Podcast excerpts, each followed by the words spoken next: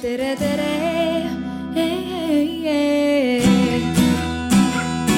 Eestimaa.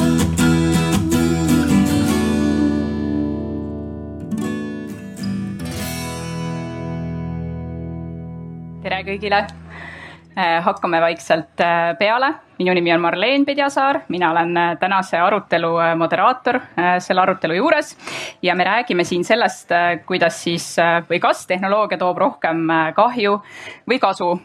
meil on mõned päris sellised filosoofilised teemapüstitused, räägime sellest, kuidas tehnoloogia ja tehnoloogia areng üleüldse mõjutab seda inimeseks olemist tulevikus suremist näiteks tulevikus, seda, mis jälje me siia maailma alles jätame kuidas see mõjutab igasuguseid äh, privaatsusküsimusi ja, ja palju sellist ehm,. aga meie arutelu siin, mis kestab kokku poolteist tundi, on mõtteliselt jaotatud äh, kaheks osaks. ja enne kui me päris filosoofiasse äh, sukeldume ja hakkame panelistidega siin ja koos teiega arutlema, on meil siin ka selline näidisväitlus teile ette näidata ja meil on kaks äh, noort väitlejat, kes muide kuuluvad siis Eesti äh, väitlus mm koondisse äh, keskkooli siis keskkooli väitluses. nii et kui te ei teadnud, siis meil saab väitlemist õppida, see on selline omaette intellektuaalne spordiala ja meil on oma mm koondis, nii et Eesti sellised noored tippväitlejad minu paremal käel Lotta Vaher ja vasakul käel Maare Karmen Oras viivad teile läbi sellise näidisväitluse siin Maare Karmen ja Lotta ei esinda oma isiklikke seisukohti siin väitluses, nad on need pooled lihtsalt eh, loosinud. Nad ei ole ka kuidagi teemaeksperdid, et väitlejad käivadki ringi ja väitlevad väga erinevatel teemadel. et selle sissejuhatuse mõte ongi olla selline kiire soojendus, meelelahutuslik, et saada ka teie mõte tööle. ja see toimubki täpselt teemal tehnoloogia toob rohkem kahju kui kasu kus siis äh, Maare Karmen argumenteerib sellelt poolt, et tehnoloogia toob rohkem kahju ja Lotta argumenteerib talle vastu teemal siis, et tehnoloogia toob hoopis rohkem kasu. Nad mõlemad teevad kokku kaks kõnet, mõlemad kõned on neli minutit pikad ja väitlejad siis jälgivad väga täpselt ka oma aega. Äh, Teie väitlejatelt äh, midagi otseselt küsida ei saa, erinevalt siis hiljem siin selle diskussiooni käigus, aga võite lihtsalt kaasa mõelda, et mis teie sellest teemast arvate ja pärast väitlust on, on mul suur, suur rõõm siin, siin laval siis arutleda koos äh, väga huvitavate mõtlejatega, ma ütleksin. ma olen kõigi teiega pidanud ka väikesed äh, telefonivestlused ja ise päris põnevil selles osas, et äh, mis siin saama hakkab. Meil on Johannes Tammekänd, kes siis on ettevõtte Sentinel tegevjuht. Ja Sentinel tegeleb siis deepfake'ide tuvastamisega ja, ja kindlasti me räägime siis lähemalt ka sellest, mis need äh, deepfake'id äh, on selle vestluse käigus.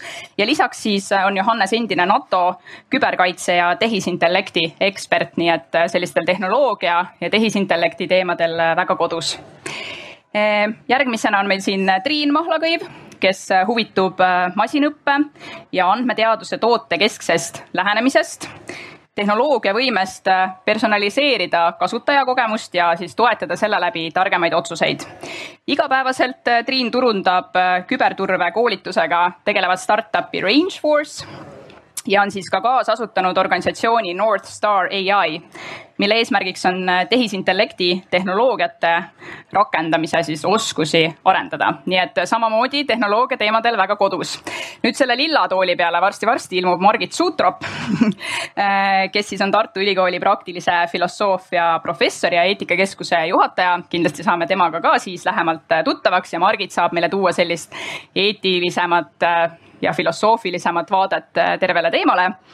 ja meil on ka Karl Käsnapuu, kes siis uurib erinevate surmakirjelduste ja erinevate surmasuhtumiste mõju inimeste ning kultuuride käitumisele ja otsustele ehk et äh, Karl on siis surmauurija ja on selge, et, et ka suremine on selle tehnoloogia arengu tõttu natukene muutunud ja muutumas ja teil, kes te siin olete kohapeal, on loomulikult võimalus ka kaasa rääkida. kes te olete meil siin füüsilises ruumis, siis teil on suisa võimalus vahepeal mikrofoni küsida oma küsimus või lisada oma kommentaar, kui ma teile siis selleks äh, sõna annan.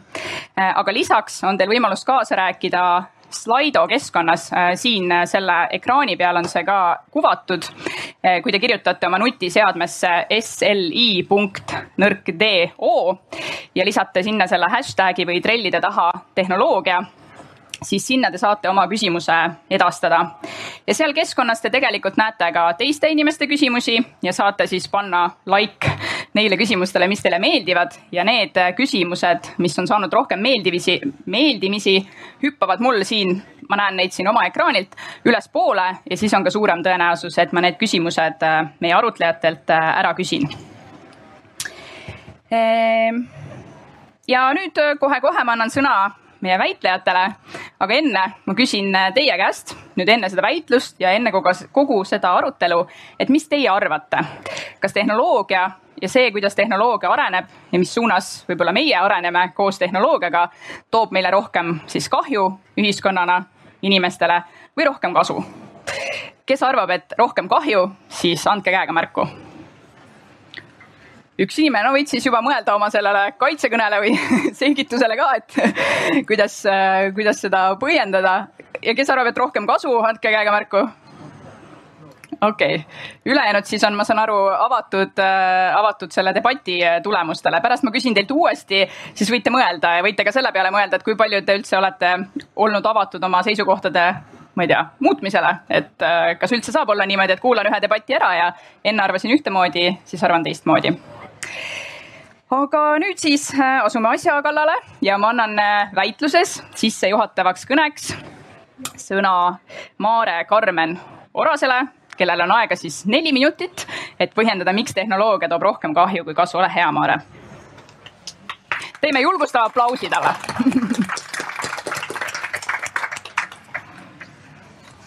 nii, kõik on valmis ka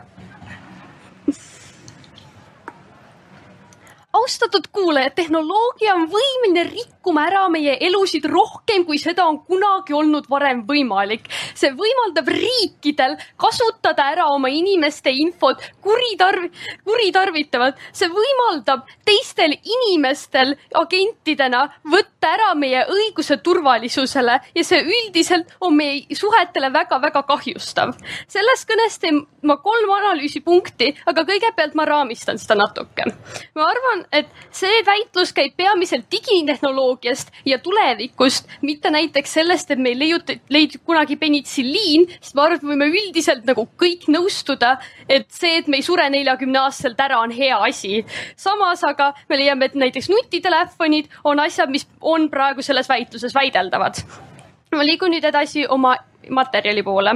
esiteks, tehnoloogia mõjutab meie keskendumist. milline siis tänapäeva maailmas välja näeb? me näeme, et see on umbes see, et kui sa oled tööl ja näiteks tahad midagi teha, aga sa saad kogu aeg mingeid teavitusi oma telefonist, sest mingi inimene jälle tahab sind pommitada nende sõnumitega, sest mingi asja kohta väga palju asju teada vaja saada või mingi Instagram kogu aeg ütleb sulle, mingi uus postitus on tehtud või midagi sarnast või näiteks ka üldiselt õppetööl või elus on lastel õppimine palju-palju igavam mugavam kui näiteks arvutimängude mängimine või sotsiaalmeedias üldiselt surfamine. mida see meile, kuidas meie elu mõjutab, on see, et esiteks nagu kõige lihtsamalt inimest ei saa keskenduda, töö tegemine võtab rohkem aega, aga see ei ole veel kõige hullem. hullemaks muutub asi siis, kui see võtab inimeste keskendumisvõime ära kohtade, olukordades, kus see väga tähtis on, näiteks autot juhtides ja me näeme, et see on ju väga-väga halb, kui inimene autot juhtis ei pane tähele ja sellepärast tekib õnnetus. me näeme seega, et see keskendumine keskendumine juba on võimeline väga negatiivselt mõjutama meie elusid puhtalt sellepärast, et me ei saa kas tööd tehtud või halvimal juhul keegi sureb. teiseks see mõjutab meie inimestevahelisi suhteid. kõige lihtsam näide sellest on see, et inimesed lihtsalt veedavad rohkem aega telefonis ja vähem suheldes, aga see viib ka sellele, et näiteks eriti noorte seas on suhted pealiskaudsemad, kuna lihtsalt ei räägi inimestega nii palju, aga see väljendub ka näiteks selles, et perekond vaatab õhtuti koos telekat, selle asemel, et süüa õhtusööki ja suhelda või väiksed lapsed tahavad mängida telefonis selle asemel, et minna õue teiste lastega mängima. mis tähendab, et me lihtsalt, me suhtleme vähem, seega sul on selle võrra juba raskem korralikke suhteid teha, aga me näeme, et see avaldub ka selles, et iga kord, kui kellegi uuega kohtuda, see on kohe esimene mõte, et no kes ta on, on ju, sa guugeldad seda inimest. nüüd on mingi eelarvamus selle teise inimese suhtes ja üldiselt on omavahel inimesi raskem usaldada. sa tead nende kogu netielu, mis sellest tuleb, on see, et inimesed on üksikumad, üksikuna sellega ka mingil määral õnnetumad, aga kuna sul on need eelarvamused juba olemas, siis on raskem saada neid uusi sõpru, sul on raskem teisi inimesi usaldada, mis tähendab, me üldiselt jääme veel üksikumateks kolmandaks, meil tekib rohkem kuritegevust. milline, see välja näeb? me näeme, et internetis tegelikult esiteks on kõik igavesti, aga teiseks juba praegusel ajal ettevõtted saavad meie kohta väga palju infot kätte ka näiteks sotsiaalmeediast või niisama kõikidest meie eluharjumustest. näiteks juba kahe tuhande kaheteistkümnendal aastal, pange tähele, et see oli kaheksa aastat tagasi, ennustas Target USA-s ette, et naine oli rase enne, kui ta sellest ise aru sai, puhtalt tema shoppamisharjumusest harjumuste põhjal. me näeme, et see ei ole informatsioon, et nende kuponglemine ta oleks kunagi nõustunud, aga talle surutakse peale, sest see firma tahab rohkem raha saada. kuidas see kuritegevus aga päris kuritegevusena välja näeb? me näeme, et nagu üldiselt see on isikuandmete lekitamine e, e-posti või arvuti pantvangi võtmine, autoriõiguste rikkumine, teenuste tõkestamine ja nii edasi. mis tähendab, me rikume inimeste õigusi ja seda on raske takistada, tehnoloogia areneb lihtsalt nii kiiresti, meil on eksperte vähe. Nendel põhjustel tehnoloogia toob rohkem kahju kui kasu, aitäh. aitäh sulle ja nüüd siis Lotta põhimõtteliselt vaidleb talle vastu, ütleb ei hoopis rohkem kasu kui kahju, sul on samamoodi neli minutit aega, ole hea. nii uh,, ma ei tea, kas jah, mind vist on kuulda, väga hea austatud publikum, tehnoloogia on äge. Enda kõnes kolm ümberlüket ja siis punkt sellest, kuidas tegelikult tehnoloogia annab meile kõik võimalused, mis meil ühiskonnas tänapäeval on. räägime keskendumisest, tegelikult see ei ole ju probleem, et mingi töö jääb tegemata, sest inimene on telefonis. okei okay,, mõni asi võtab kauem aega, aga tegelikult see ei ole valdav probleem. teiseks, tegelikult me saame selle probleemiga tele, tegeleda, me saame keelata ära telefoni mingites olukordades, me saame panna telefoni vaikseks, me ei pea seda andma lastele ja nii edasi, see on tegelikult lahendatav. kolmandaks, keskendumine ei ole kõige olulisem Te. Telefon annab mulle võimaluse kutsuda näiteks kiirabi või levitada informatsiooni informatsiooni, et meil on ühiskonnas ohtlik viirus, mis tegelikult päästab elusid, järelikult on palju olulisem. tänu tehnoloogiale on ühiskonnas turvalisem, keskendumine tegelikult ei ole oluline argument. teine ümberlüke, inimestevahelised suhted. me tegelikult ütleme, et teame ju, et tegelikult netis suhtlemine ei ole niivõrd erinev, see tegelikult annab rohkem võimalusi erinevate inimestega suhelda, kui inimesed seda soovivad. lisaks selleks tegelikult isegi kui ta mingil määral mõjutab mingeid inimesi negatiivselt, see annab väga paljudele inimestele, kes võib-olla on ühiskonnast tõrjutud, kellel võib-olla ei ole koolis sõpru või keda tööl imelikuks peetakse, võimaluse rääkida inimestega, kes saavad neist aru.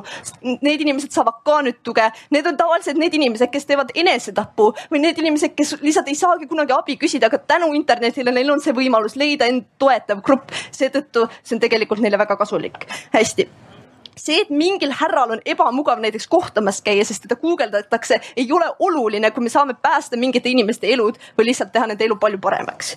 järgmine ümberlüke, turvalisus. jah, okei okay., tehnoloogia annab mingid uued viisid kurja teha, see on ilmselge, aga tänu tehnoloogiale meil on tegelikult palju rohkem viise kuritegevust takistada ja tänapäeval on kuritegevust palju raskem sooritada.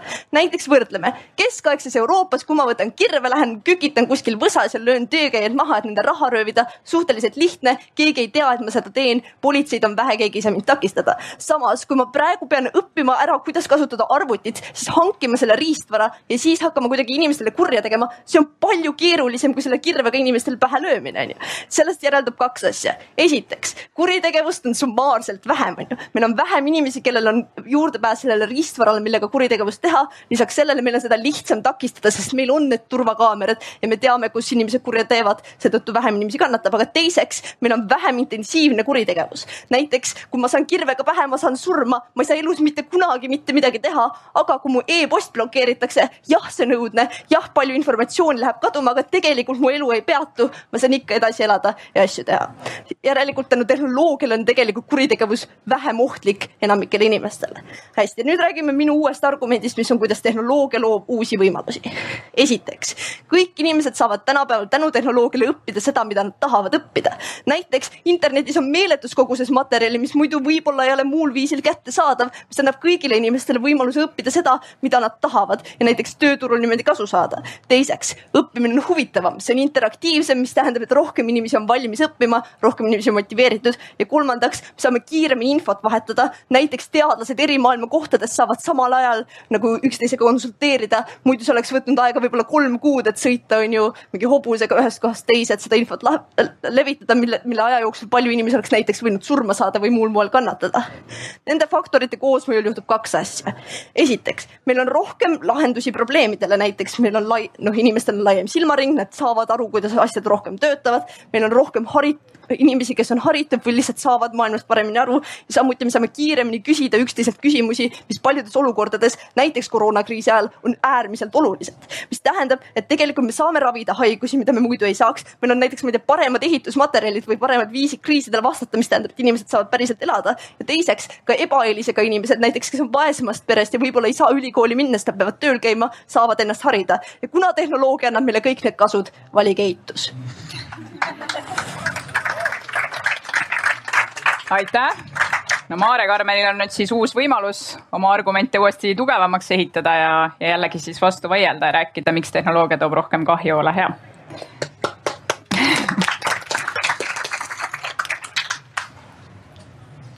austatud kuulajad, see, et ma sain Youtube'is vahel tutorial'e vaadata, ei kaalu üles seda, et Hiina võib mu elu ära rikkuda, nii kui neil lihtsalt see tuju tuleb. selles kõnes kõigepealt ma lükkan ümber Lotta argumendi, siis ma ehitan taas üles omaenda argumendid ja siis ma räägin turvalisusest. nii, kõigepealt meile räägitakse, et see keskendumine tegelikult ei ole tähtis, aga see on see eeldus, millel põhineb see õppimine õppimine, mis Lotta argumendist tuleb. kui sul on Youtube'is kogu aeg nad pommutavad mis iganes soovitustega, et sa oleksid seal platvormis piisavalt kaua, siis nad pakuvad sulle seda, mis tundub kõige huvitavam, mis olgem ausad, arvatavasti ei ole matemaatika. see on mingi suvaline top ten list või mingi täiesti jama, mida nad tahavad sind vaatama saada, selle peale võimalikult palju aega kulutaksid. teiseks, see tehnoloogia areng, millest ta räägib, kui mina toon teile välja tehnoloogia areng, mida see toob, see ei ole ju hea asi, see võimaldab ka neil Hiinal arendada näotuvastust, see võimaldab meil arendada tuumarelvi, see võimaldab meil arendada kõiki neid viise, kuidas me teeme inimeste elu võimalikult halvaks olukorras, kus nad neile lihtsalt ei meeldi. viimaseks, me näeme, et nagu keegi ei võta inimest tööle selle põhjal, kui palju mingi õpetlikke videoid ta on vaadanud, see on see CV-s on, on ju mingi haridus, kui sul on null haridus. keegi vaatas ja on nagu, ah, kuule, ta vaatas Crash Course'i videot kaks korda, no siis küll võtame, on ju. nii et me näeme, et nagu see tegelikult ei ole nii suur ega tähtis argument. aga mis minu argumendid siiski töötavad. me näeme, et nagu sellest suhte osas, me näeme, et neid tõrjutuid, kes on nagu nii tõrjutud, ühtegi sõpra ei ole, ei ole ju nii palju tegelikult. ja kui üldse on, siis neid tekib juurde sellepärast, mis ma teile eelmises argumendis rääkisin. pealegi me näeme, näeme, et nagu need suhted seal internetis ei paku sulle kunagi nii head sõprust, kui pakub reaalne inimene, kes reaalselt olemas on ja oskab päriselt abi anda, kelle kohta sa ei pea kunagi mõtlema, et äkki ta on tegelikult nagu robot äkki ma lihtsalt ei teadnud seda. me näeme, et nagu samuti need lapsed ei räägi ikka oma vanematega, so what, et need mõned täiskasvanud on tõrjutud, nad on tõrjutud sellepärast, et nad ei õppinud lastena kunagi suhtlema, sest nad mängisid GTA-d. nii, siis teiseks see kuritegevus. me näeme, et nagu see kuritegevus, mis tänapäeval toimub tegelikult nagu neti ja näiteks tehnoloogiaga omab palju suuremat mõju meile, kui Hiina lülitab välja meie internetist, neile, neile ei meeldi meie poliitilised otsused, siis nad võivad saavad välja lülitada meie põhimõtteliselt meie tervishoiu, meie hariduse, praktiliselt kogu meie riigi. me näeme, et see on palju suurem kui see, et mingi paarkümmend inimest saavad kirvega pähe, olgem ausad. sellest rohkem nüüd minu argumendis. turvalisus, sellel on kaks tasandit. esiteks, kuidas riigid õnnestuvad turvalisust omaenda rahva vastu, näiteks Hiinas, Valgemehes ja Türkmenistanis. kuidas see nagu juhtub? me näeme, et need riigid kontrollivad oma meediaga kogu narratiivi, nii et sa ei tea kunagi, mis päriselt toimub. Need on näotuvastus, näiteks Uiguurias Hiina vaatab üks kui igal pool ükskõik mis uksest sa sisse lähed ja välja tuled, nad teavad alati, kus sa liigud. me näeme ka, et sellega on lihtsalt üldiselt väga ekstensiivsed andmed oma inimeste kohta. me näeme, et näiteks tulebki välja uiguuride tagakiusamised, aga ka Hongkongi protestide allasurumisel, kus kasutati väga palju ära tehn tehnoloogiat. mis sellest siis tuleb, on see, et inimesed ju kannatavad ja neil pole reaalselt mingit kaitset kunagi oma riigi vastu, kes omab kõike seda infot, kõiki neid võimalusi. teiseks, riigid teevad halbu asju teiste riikide vastu. kuidas seda tehakse, on näiteks tahab poliitilist võimu, maad või mingit ressurssi, nii et sa kasutad ära küberrelvi või niisama relvi. näiteks tuumarelvad või see, kuidas Venemaa mõjutas USA valimisi. me näeme, mida see meile toob, on ju see, et nagu üldiselt inimesed jällegi surevad selles, kui neile tuumapomm peale kukub. samuti sul on üldiselt väga halb elada, kui sa ei saa kunagi olla kindel selles, mis su elus päriselt toimub. see on samuti demokraatiat väga tugevalt õõnestav. Nendel põhjustel jaatus, aitäh. aitäh ja viimase kõne teeb siis Lotta, ole hea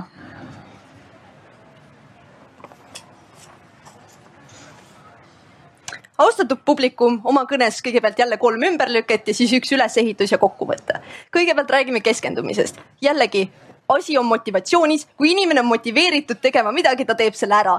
inimesed lõpetavad koole, inimesed teevad tööl tööd, see ei ole tegelikult probleem, onju. lisaks sellele adresseerimine enamikel juhtudel töötab, kui keegi sõidab autoga kellelegi teisele otsa, sellepärast et ta rääkis telefoniga, me keelame telefonid autodes ära või muud sellised asjad, kui see on vajalik. mis tähendab, et keskendumine võimalik vähend-, vähenemine tehnoloogia tõttu tegelikult pole probleem. pluss isegi kui ta mingil määral on, teised kasud korvavad selle. nii, järgmine ümberlõige suhted, me ütleme, et internetisõbrad ei välista füüsilisi sõpru, onju. sageli paljude inimeste jaoks, kui nad on arglikud, internetisõbrad on see esimene grupp, kellega nad räägivad. Need on need inimesed, kes annavad neile selle julguse üldse saada teist sõpru ja see on kõikide inimeste puhul nii, onju. see, et lapsed mängivad GTA-d on tegelikult hea, sest nad suhtlevad seal omavahel. kui nad istuksid niisama raamatutega kodus, see on palju kohutavam, sest nad ei õpi neid suhtlusoskusi, mida Maare väga oluliseks peab. hästi ja peale selle see, et mingid inimesed nagu suhtlevad vähem äh, mingi näost näkku, tegelikult ei vähenda suhte kvaliteeti, seal ei ole mitte mingisuguseid näiteid sellest. turvalisus äh,. me ütleme, et alati tehakse kurva, onju. Hitleril ja Hispaania inkvisitatsioonil ei olnud ma ei tea, näotuvastustehnoloogiat ja internetti on ju. ometi neil õnnestus tappa miljoneid ja miljoneid inimesi. järelikult nagu see, et keegi teeb kurja, ei sõltu sellest, kas neil on need võimalused. kui keegi tahab, siis ta saab sellega hakkama, on ju. lisaks sellele te tehnoloogia tegelikult annab inimestele võimaluse ennast kaitsta. näiteks on ju Hongkongi protestijad saavad läbi krüpteeritud sõnumite kaudu üksteisele märku anda, kus näiteks politsei parasjagu on. nii et nad saavad turvalisemalt oma meelt avaldada, on ju. et tehnoloogia tegelikult ei ole kunagi kurjategemise põhjus ning tegelikult see annab inimestele võimaluse turvaliselt teha neid asju, mis nende jaoks on olulised nendes kahtlastes riikides. nii ja nüüd räägime viimasest punktist ülesehitus, kuidas tehnoloogia tegelikult annab meile kõik need toredad asjad, mis meil ühiskonnas on. kolm punkti. Esiteks on ju jah, on ju, kõik inimesed ei kasuta internetti normaalselt, mingi otstarbekalt või midagi sellist, aga tõenäoliselt needsamad inimesed sada aastat tagasi oleks ka mingi läinud ja õppinud mingit toredat asja oma mingi vabast ajast. tõenäoliselt nad oleks ikkagi istunud, on ju, saja aasta taguses Instagramis ja teinud täiesti mitte midagi, midagi suvalist, on ju. oluline on see osa inimesi, kes tahab õppida. me ütleme, et see osa inimesi on tegelikult valdav, on ju. see, et mul on võimalik õppida programmeerimist, võimalus, mida mul ei oleks olnud olnud viiskümmend aastat tagasi, on äärmiselt oluline, sest mina olen see, kes saab kuskile ülikooli sisse ja saab sellega edasi tegeleda, kui see on minu jaoks oluline, onju. lisaks sellele tegelikult see aitab meil ühiskonda edasi viia. teiseks on ju, jah, Youtube'i video vaatamine ei anna sulle võib-olla mingit CV-d või midagi sellist, aga tegelikult, kui sa saad panna kuskil CV-sse kirja, et sa oskad midagi, siis kedagi ei huvita, kas sa õppisid seda Youtube'is või kuskil mujal, sa ikkagi saad selle töö. lisaks sellele, kui on näiteks mingi noor, kes koolis matemaatikast aru ei saa, ta saab internetis seda matemaatikat juurde õppida, ta saab endiselt ülikooli sisse ja ta saab teha oma eluga seda, mida ta tahab, ta saab viia ühiskonda edasi. hästi, kolmas punkt. teadus on tegelikult päris äge ja see, et inimesed saavad rohkem rohkem sellega tegeleda, on ülitore. näiteks me oskame päriselt koroonaviirusega tegeleda. teiseks, me saame näiteks paremini energiat salvestada ja kliimamuutusega tegeleda. kolmandaks näiteks meil on lihtsalt ohutum ja odavam toit või üldse kõik muud asjad. tänu sellele me saame üldse elus olla, me saame, me ei pea muretsema selle pärast, et kui ma lähen ja sünnitan, siis mu laps sureb kuskil, ma ei tea, koolerasse ära või mingid muud sellised probleemid, mis enam ei ole valdavad tänu sellele, et meil on inimesed, kes saavad omada, omandada haridust ja kõiki neid muid toredaid asju, mis tulevad sellest kaasa. okei okei okay,, ilmselgelt teadus on inimestele ja arengule üleüldiselt hästi oluline, aga nüüd mis on selles väitluses tegelikult toimunud, me oleme näinud, et tehnoloogial jah, on mingisugused on ju halvad pooled, tõesti tehnoloogiaga saab teha mingeid kurji asju, aga üldiselt enamik inimesi saavad tehnoloogiast pigem kasu kui kahju. me oleme näidanud teile, kuidas inimesed tegelikult saavad teha neid asju, mis nad soovivad just tänu tehnoloogiale, isegi kui nad on vaesemast perest, isegi kui nad vahepeal on Instagramis, see on endiselt palju kasulikum ja neil põhjustel valikeitus. Aitäh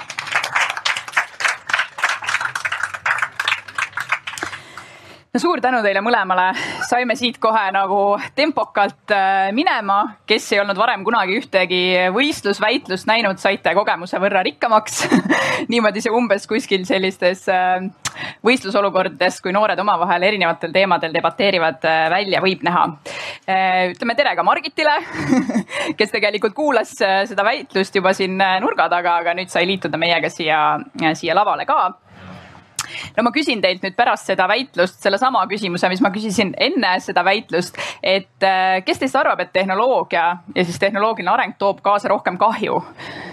tulevikus meile jätkuvalt, aga üks inimene on liitunud oli enne oli enne ka, enne ka. Äh, no hästi ja teised siis, kes arvab, et toob rohkem kasu? Okei okay., et tundub äh, umbes enam-vähem äh, sama vaatepilt siitpoolt vaadatuna, aga eks, eks see debatt on meil veel ka noor ehm, liigume siit edasi meeldetuletuseks veel teile ja kõigile, kes meid veebi vahendusel ka jälgivad, et saate oma küsimusi esitada selliselt, et äh, sisestate oma nutiseadmesse sli.nõrk.do ja seal siis äh, hashtag'i või trellide taha sõna tehnoloogia, väga lihtne, saate seal anonüümselt küsida ja üksteise küsimusi ka siis äh, ülespoole hääletada. mina näen neid küsimusi siit ja saan neid meie arutlejatelt ka küsida. aga minu esimene selline soojendav küsimus teile kui te seda väitlust kuulasite, põhimõtteliselt äh, ongi, et mis äh, mõtted teil tekkisid, et siin räägiti, et äh, suhted muutuvad. üks pool ütles, et muutuvad paremaks, saan suhelda ka nende inimestega, kes pole minu vahetus füüsilises läheduses, võib-olla olen vähem üksildane. no teine pool ütles, et vastupidi, et kapseldun oma maailma. üks ütles, et kuritegevus tõuseb, teine ütles, et kuritegevus langeb mis teie vaade on sellele teemale äh, ja selline ekspertkommentaar, võime siit lihtsalt järjest näiteks minna, et äh, Johannes, ole hea. tere kõigile minu poolt ka. esimene küsimus selle peale tekiks minul, et mis on tegelikult see tehnoloogia. et kunagi tehnoloogia oli samamoodi kui kirves, kui see leiutati. täna me võime siis tehnoloogiat pidada silmas, kes ähm, infotehnoloogiat, iseseisvat autot, kogu, kogu muud. Ja mina enda jaoks olen seda lahti mõtestanud, et äh, siis selle tehnoloogia puhul, millest me siis aru saame, et seal on selline nagu ka looduse puhul, et ei ole ühte ja nulli. et äh, ei ole midagi binaarset, vaid on erinevad tehnoloogiad, mis toovad rohkem kahju. on rohkem tehnoloogiad, mis on rohkem neutraalsed kuna inimeste enda motivatsioonid selle tehnoloogiaga on rohkem neutraalsed ja on ka tehnoloogiad, mis siis äh, inimeste enda motivatsioonist tulenevalt, olgu kas siis ütleme näiteks relvad, äh, püssid. ja et, et selle tulemusena nende siis tehnoloogiate kahju on suurem. et see on ka, kuidas mina vastaksin sellele mm. -hmm. ja et küsimus, et mis üldse on tehnoloogia, väga hea küsimus mm. -hmm. Triin, mis mõtteid sinus see väitlus tekitas? tere ka minu poolt kõigile ja mina ilmselt olen siia kutsutud ehk siis äh, seda tehnooptimisti mütsi kandma, kuigi minu enda arvamus on kuskil seal vahepeal, aga alustaksin äh, mõttearendust sellest, et Ähm, küsin küsimuse, et mis on see valem, millega me mõõdame, et kas tehnoloogia on siis hea või halb, et kas see saab, kas see valem on üldse objektiivne ja kas see valem eksisteerib, et kui me näiteks, äh, meie panelistid siin rääkisid näotuvastusest, et kuidas me saame öelda, et näotuvastus on nagu net positiivne, et mis on need argumendid, et see olenebki hästi palju sotsiaal, äh, sotsiaalsest ja majanduslikust äh, keskkonnast ja, ja võib-olla lõpetuseks, et kui me räägime hästi palju tehnoloogiast, kas tehnoloogia on kasulik või kahjulik, siis mina tegelikult tahaksin diskussiooniga tagasi viia äh, inimese ja, ja protsesside juurde, et, et me ei räägi ainult tehnoloogiast eraldi, et see on tegelikult selline äh, kolm ringi, mis moodustab terviku mm. -hmm. annan sõna edasi. ja aitäh, Margit, sinu mõtted? ja tere ka minu poolt ja kõigepealt tahaksin avaldada suurt tunnustust väitlejatele, et minul oli küll äärmiselt huvitav ja, ja, ja lõbus ka. ja ma ei tea, kuidas teiega juhtus, aga minuga juhtus nii, et kui see, kes rääkis poolt, rääkis, siis mina tahtsin öelda, et õige ja kui see, kes vastu rääkis, siis ma tahtsin ka öelda, et õige. ja ma arvan, et mingis mõttes nii ongi, et äh, kindlasti tõde on kahe vahepeal ja meie diskussioonis võib-olla me saamegi vaadata, et ähm, see ju sõltub. Ja nüüd see vaatekoha küsimus on, et millest see sõltub. Ja nagu eelkõneleja ütles, mis see valem võiks olla.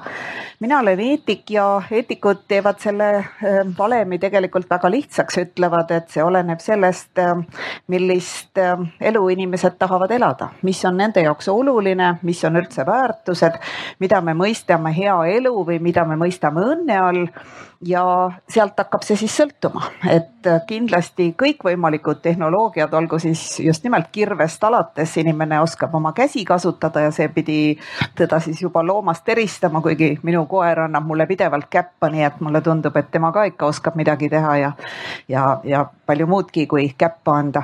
Ehm, aga ehm, kindlasti ehm, see põhjus, miks osad inimesed siis läbi aegade on järjest rohkem lootnud, et tehnoloogia aitab, on see, et soovitakse saada kontrolli eh, metsiku looduse üle et ühelt poolt tõesti elu mugavamaks teha, võib-olla mingisuguseid niisuguseid äh, ütleme, elu kergemaks teha, aga selle taga on ikkagi loodus oma seadustega, oma stiihiatega, oma võimsusega, mille üle inimene proovib kontrolli saada.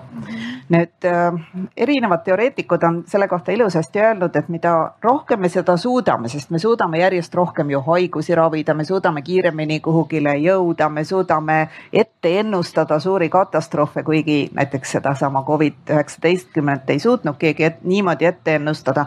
aga üldiselt see ikkagi toimub, aga mis ütleme, need tehnoloogiakriitikud siis ütlevad, Ulrich Beck näiteks, keda on ka tõlgitud eesti keelde, on öelnud, et niivõrd-kuivõrd ühelt poolt see kontroll järjest suureneb, me saame ja suudame järjest rohkem äh, erinevaid asju teha ja järjest suuremat kontrolli saada, need riskid ja see niisugune meie käest ära minev nagu jõud on ka järjest suurem, see tähendab, kõikvõimalikud riskid suurenevad kordades ja see on see, mida me näeme niisiis ilmselt kliimaga kui ka me näeme nende niisuguste viirustega, mida me enam ei suuda kontrollida. et sellistes dimensioonides, sellistes mõõtmetes see kunagi ei toimunud, miks?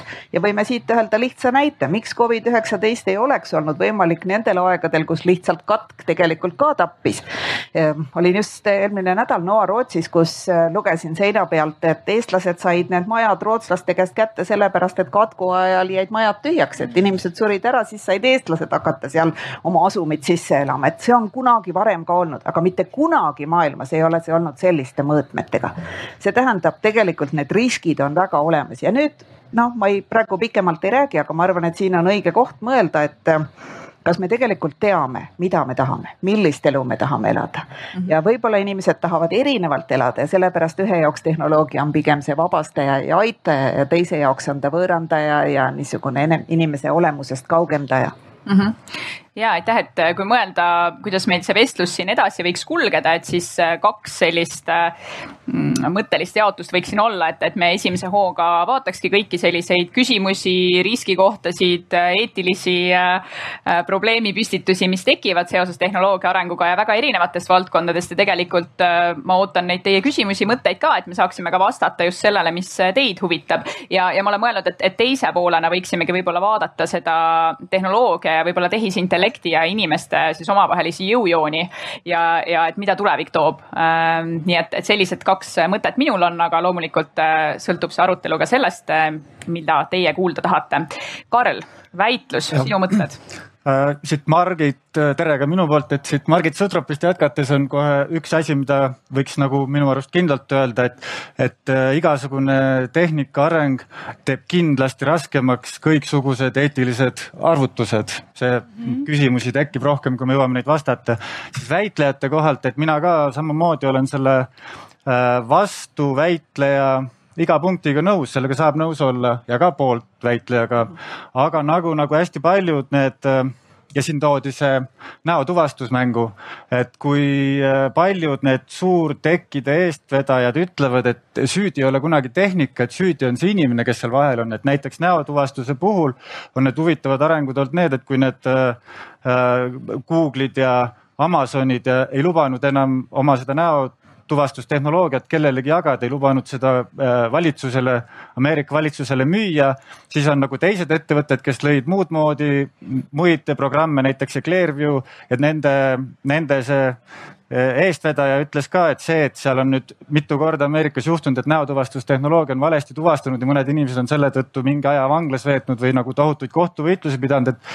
et see ei ole selle tehnoloogia viga, et see on nagu inimeste enda viga, et kasvõi näiteks selle linna politseijaoskonna äh, reeglite viga et äh, tehnoloogia ongi kuskilt maalt saab alguse, seda arendatakse, et võiks nagu edasi minna, seisma ei tasu niisama panna, kui midagi on valesti läinud aga neid vigu juhtub ja väga-väga suuri, inimesed on kaotanud pooled elud. Mm -hmm.. aitäh. Ähm,. Triin, mul on sulle küsimus et kui siin Johannes äh, väga tabavalt küsis, et mis üldse on tehnoloogia, no ma ei küsi sult, et mis on tehnoloogia, aga ma küsin sult, et mis on tehisintellekt. et sellest meil siin ka juttu tuleb ja, ja ma ei ole kindel, et me, kui me nüüd seda siin defineerima asuksime, et me kõik täpselt sama definitsiooniga välja tuleksime, et äh, mis see on, äh, kas, kus ja, ja millist rolli see meie eludes täna mängib ja, ja mida sina võib-olla oma töös näed, mida see tulevikus mängima hakkab, ava meile natuke võib-olla seda mängumaad ja tehis, tehisintellekti kohta või siis ai, nagu seda inglise keeles nimetatakse, on hästi palju erinevaid termineid äh, maailmas käsitlusel ja sinna alla võib tuua masinõppe, andmeteaduse, siis tehisintellekt ise, aga ma, ma toon siin hästi lihtsa näite, et me kõik jõuaksime ühele, ühele arusaamisele, et kui me räägime intellektuaalsusest, siis mis me selle all mõtleme, me mõtleme üldjuhul inimmõistust ja inimaru ja samamoodi võime siis äh, tuua te,, mõelda tehisintellekti all tehismõistus, mis meie juurde on jõudnud siis arvuti kujul, et arvuti teeb funktsionaalsusi ja, ja me näeme viime tehisintellekti sellisele tasandile. igapäevaselt me võime ju mõelda, et me ei näe seda tehisintellekti enda ümber, aga ma olen päris kindel, et kõik, kes te siia tulite või kui te ärkasite või teie otsus, mida täna süüa või, või mis muusikat kuulata teel siia konverentsile, te kuidagi puutusite kokku tehisintellektiga, et ta ongi tegelikult hästi nähtamatu ja tänu sellele, et ta on küllaltki nähtamatu ja hoomamatu tekitab ta ka nii palju eriarvamusi ja diskussioone. et ma ei mäleta, et ükski teine tehnoloogia oleks meedias nii palju vaieldud ja, ja nii palju erinevaid seisukohti oleks võtnud ka inimesed, kes ei ole selle tehnoloogia rakendajad või sellega otseselt kokku puutunud varem. ja igapäevases elus ta tänapäeva, täna teeb hästi lihtsaid ülesandeid, et me ei saa öelda, et täna, tänane tehisintellekt on jõudnud sinna äh,, kuidas inimene mõtleb, et täna ta teeb hästi kitsaid ülesandeid ja sellepärast nimetatakse, nimetatakse, nimetataksegi tehnoloogiat äh, täna nõrgaks tehisintellektiks. et need soovitusalgoritmid, mida meie väitlejad mainisid näiteks Spotify's või Netflixis, mis annab meile äh, matemaatiliste arvutuste põhjal äh, filmi, mida meie tõenäoliselt tahaksime kõige rohkem näha. see on hästi lihtne tehnoloogia oma olemuses, ta täidab ühte ülesannet ja, ja kuhu meie arutelu võiks jõuda ja kuhu me ilmselt jõuame, jõuame, on see, et milline on see tuleviku tehisintellekt, kas me jõuame sinnamaale, kus arvuti jõuab inimese mõtlemise ja otsustusvõime tasandile? Ja, ja siis tekivad minu meelest probleemid ja ma olen ka äh, tehnooptimistina nõus, et siis me peaksime hakkama mõtlema, et kas me tahame, et arvuti hakkab meie eest otsustama, aga täna ta tegelikult seda lihtsamaid otsusi meie jaoks juba teeb. No,. kõige lihtsam lihtsam näide on see, et kui me valime, äh, kui me vali, tellime endale takso ja, ja, ja takso tuleb meile kohale ja see hinnastus on tegelikult tehisintellekti poolt äh, läbi mõeldud. Ameerikas on ka Alexa, mis äh, küpsetab meile näiteks putru, et me ütleme assistendile, häältuvastusassistendile, et tee meile puder ja me ei pea tegelikult mõtlema, kui, kui palju meie mikrolaineahi peab seda küpsetama või keetma, siis tegelikult seda tehnoloogia teeb meie jaoks selle töö ära. tulevikus me näeme, et et äh, ai tuleb rohkem ja rohkem meie ellu, igapäevaselt hakkab äh,, igapäevaselt me ootame, et me saame personaliseeritud teenust. me ootame, et me saame kiiresti äh, kliendi toest vastuseid ja kõik need positiivsed mõjud tulevadki tehisintellekti tehnoloogia arengutest mm. -hmm aitäh. Eh, Johannes, sinu eh, ettevõte tegeleb eh, deepfake'ide, mis siis eesti keeles peaks olema süvavõltsing vist tuvastamisega. et kindlasti me saame ka siin arutada, mis see, mis see täpselt on ja selgitada, aga kuna pidi nii olema, et pilt ütleb rohkem kui tuhat sõna ja ma ei tea siis, mitu sõna ütleb video või kas üldse ütleb ja kas me saame neid sõnu enam uskuda. aga selle, selle, sellest mõttest kantuna tegelikult näitaks teile ühte videoklippi, mille te võite seal nüüd korra mängima panna ja siis küsiks äh, Johannese kommentaar, et mis seal toimub ja kuhu suunda. We're entering an era in which our enemies can make it look like anyone is saying anything at any point in time, even if they would never say those things. So, uh, for instance, they could have me say things like, uh, I don't know, uh, Killmonger was right, or uh, Ben Carson is in the sunken place, or how about this? Simply, President Trump is a total and complete dipshit. now, you see, I would never say these things, at least not in a public address, but someone else would. Someone like Jordan Peele. This is a dangerous time. Moving forward, we need to be more vigilant with what we trust from the internet. That's a time when we need to rely on trusted news sources may sound basic, but how we move forward in the age of information is going to be the difference between whether we survive or whether we become some kind of fucked up dystopia. Thank you. And stay woke, bitches. Eh, no nii, Johannes, eh, mis seal nüüd siis eh, toimus? nii-öelda siis Obama Obamast äh, loodi siis video, õigemini tehisintellekt, kes õppis, vaadates hästi palju Obama pilte, videosid ja õppis ära, kuidas siis Obama räägib. ja siis nagu paremat kätt oli näha, oli siis Jordan Peele. samuti siis oli tehisintellekt, kes õppis ära, kuidas Jordan Peele räägib, vaadates hästi palju tema videokaadrit ja kui Jordan Peele nüüd ise rääkis, siis tehisintellekt sisuliselt kaader-kaader haaval pani kokku uue Obama video ja mille tulemusena siis sisuliselt saab panna inimesi ütlema või tegema selliseid asju, mida nad ei ole kunagi teinud. ja nüüd see siis on, ütleme selline nii-öelda õpetlik näide selle üks kõige suurimaid siis, mida täna on välja toodud, halvimaid juhtumeid võiks olla see, et kus äh, näiteks täna siis Donald Trump äh, tweetib video, kus ta ütleb, et Kim Jong-un, Püha-Korea juht, ei ole nõus rahulepinguga, vaid suure tõenäosusega alustab sõda Ameerika vastu, mille tulenum-, tulemusena siis Põhja-Ameerika, õigemini USA siis alustab ennetavat sõda äh, Püha-Korea vastu. see video läheb vairaliks Twitteris ja mille tulemusena siis Püha-Korea luure vaatab ja sõjavägi vaatab, tõesti, see on äh, Trumpi siis otsus ja selle tulemusena me laseme raketid välja. millest pärast tuleb hiljem välja, et äh, Trumpi Twitteri konto häkiti ära, hiljuti nagu sarnaselt äh, väga paljude inimeste Twitteri kontod häkiti ära, Joe Biden äh, ja nii edasi. ja antud video siis oli deepfake ehk siis see on üks selline, selle muidugi tõenäosus on väike, aga seda ei saa välistada ja see on üks äh, suur ekstreem ja teine selle, kuhu see oma olemuselt või trendina täna liigub. Äh, ja kui korraks vaadata tagasi ajalukku, siis mis on informatsiooniga oma olemuselt ajaloos äh, läbi inimajaloo juhtunud, on see, et seda on odavam toota ja kergem jagada siis, kui mõtleme Gutenbergi raamatupressile, mõtleme raadio peale mm, -hmm. televiisor, internet, sotsiaalmeedia ja täna, mis suur trend äh, ja mida sisuliselt, mille taga siis ongi tehisintellekt, on see, et info, mida me kui inimestena tarbime, ei pea olema enam loodud teise inimese poolt, vaid seda teeb tehisintellekt. olgu siis äh, täna juba uudisteartiklid, äh, kus tehisintellekt kirjutab isegi paremini näiteks propagandat, kui inimene ise seda suudab kirjutada. olgu siis need videod deepfake'ide näol, olgu siis pilt ja ka audio. ja sisuliselt on täna siis selle kõige kokkupanemine.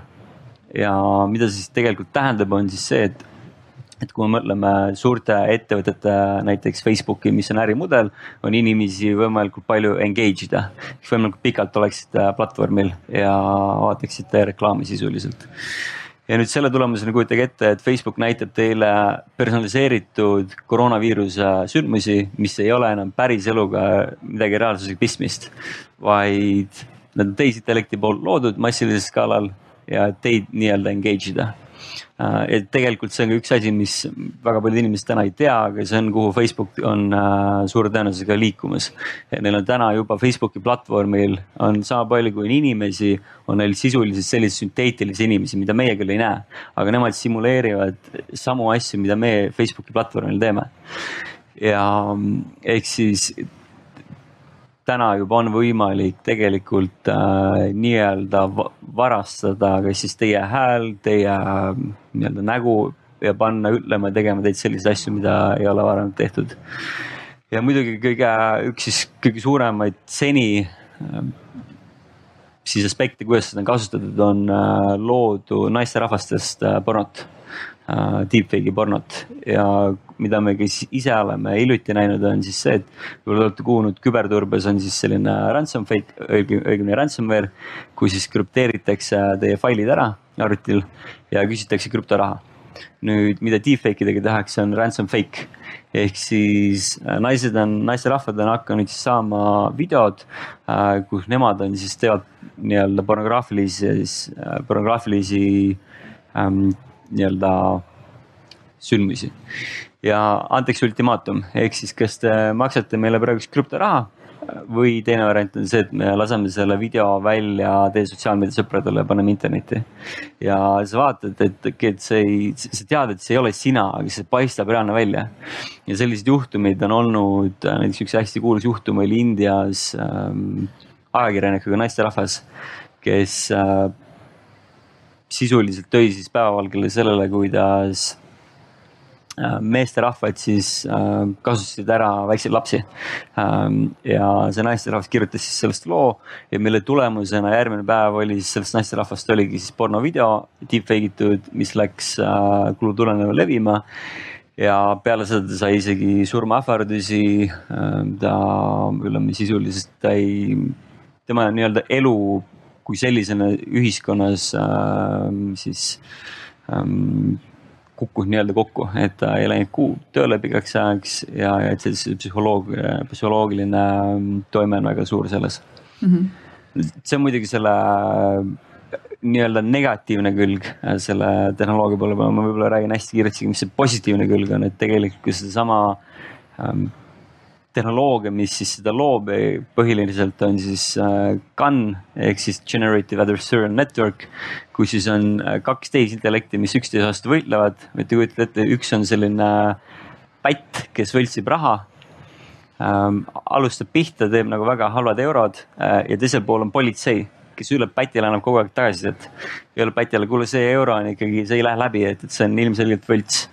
ja siis see pätt võltsib senikaua raha, kuni politsei ei saa enam aru, et see ei ole võltsing, vaid politsei arvab, et see on pärsraha. samamoodi on kaks tehisintellekti üksteise vastu võitlevad ja sisuliselt on, ütleme siis deepfake üks äh, tulemus on siis see, et on võimalik siis luua deepfake'e. sama tehnoloogiaga on näiteks võimalik, mida täna tehakse, on uh, uusi koroonaviirusi ravimeid uh, sisuliselt siis leitakse ja samuti on siis, äh, võite ette kujutada, et kui täna kas siis vaatame televiisorit või Netflixi, valite, äh, panete video või filmi käima. seal on peakangelane, ütleme Bruce äh, Willis ja mõne aja pärast siis sisuliselt te saate teha endast selfie ja panna iseennast siis sinna peakangelaseks et, et ka on muidugi jällegi, seal on teatud selliseid positiivseid külgi mm. -hmm. aitäh väga hea sissevaate eest. Eh, Margit, eh, millise pilguga sina eetikuna siis, eh, kui nii saab öelda, selliseid arenguid vaatad, et kui palju üldse uute tehnoloogiate arendamisel võetakse mingeid eetilisi aspekte arvesse? kas peaks võtma, kui palju seal on koostööd siis võib-olla nende vahel, kes praktiliselt tegelevad nende tehnoloogiate arendamisega ja siis teie vaate vahel mm? -hmm. aitäh ma arvan, et eetika on muutunud järjest tähtsamaks, et selles mõttes nii õiguslikus mõttes kui ka eetilises mõttes nende riskide niisugune maandamine ja probleemid on, on kõigile saanud palju selgemaks ma arvan, üks selliseid nagu märksõnu kindlasti on see, et, et tehisintellekt opereerib ju suurandmetega, et mida rohkem tegelikult on andmeid ja kelle käes on need andmed, kuidas inimeste privaatsust kaitsta ja kuidas kaitsta ka nende inimväärikust, need muutuvad kõik nii eluliselt olulisteks küsimusteks, millega mitte ainult ei tegele siis õiguseksperdid, kes me teame uut andmekaitseraamistikku ehm, eh, nii-öelda ka Euroopa jaoks, mis eh, öeldakse, et on väga eesrindlik, jällegi suhteline, kelle sellega võrreldes, et Hiinaga, kus ütleme, kui, kui Eestis andmed kuuluvad inimesele, aga, aga, aga Hiinas kuuluvad riigile, siis kindlasti me oleme tõesti väga eesrindlikud, aga kas see nüüd kõik meid otseselt kaitseb, on, on, on võib-olla eriküsimus ja mul tuli lihtsalt korraks väga selline personaalne äh, mõte, kuulates seda eelnevat juttu, et kuidas, kuidas ütleme, täna saab äh, kõik selline digitaalne maailm tegelikult inimese vastu astuda, et, et siin on on üks küsimus, on tõesti see, et, et mida teeb eetik ja mida teeb õigusanalüütik, me teeme hästi palju erinevaid igasuguseid äh, analüüse ja ma ka ise töötan usalduse küsimuse kallal. Ähm, püüan nii-öelda seda ka uurimisalana vaadata, kuidas ehitada siis usaldusväärset tehisintellekti, olen rõõmus selle üle, et järjest rohkem räägitakse vähemalt sellest, et eetikud peavad algusest peale kambas olema. kui näiteks ütleme geenivaramute puhul äh, alguses, kui me hakkasime eetilisi riske siin kaardistama, tegema, siis äh, öeldi sageli, et äh, mis te siin nagu olete nagu karavan, kes haugub, et karavan, äh, koerad, kes hauguvad, et karavan läheb nagunii edasi, et teie tulete pärast, kui kõik mingid asjad on juba loodud ja ütlete, et siin on mingi risk ja seda tuleb kaitsta aga et tõepoolest selline märksõna nagu ethics by design, ütleme see, et disainis endas tuleb arvestada teatud eetilisi küsimusi, et ta tehisintellekt vastaks teatud väärtustele.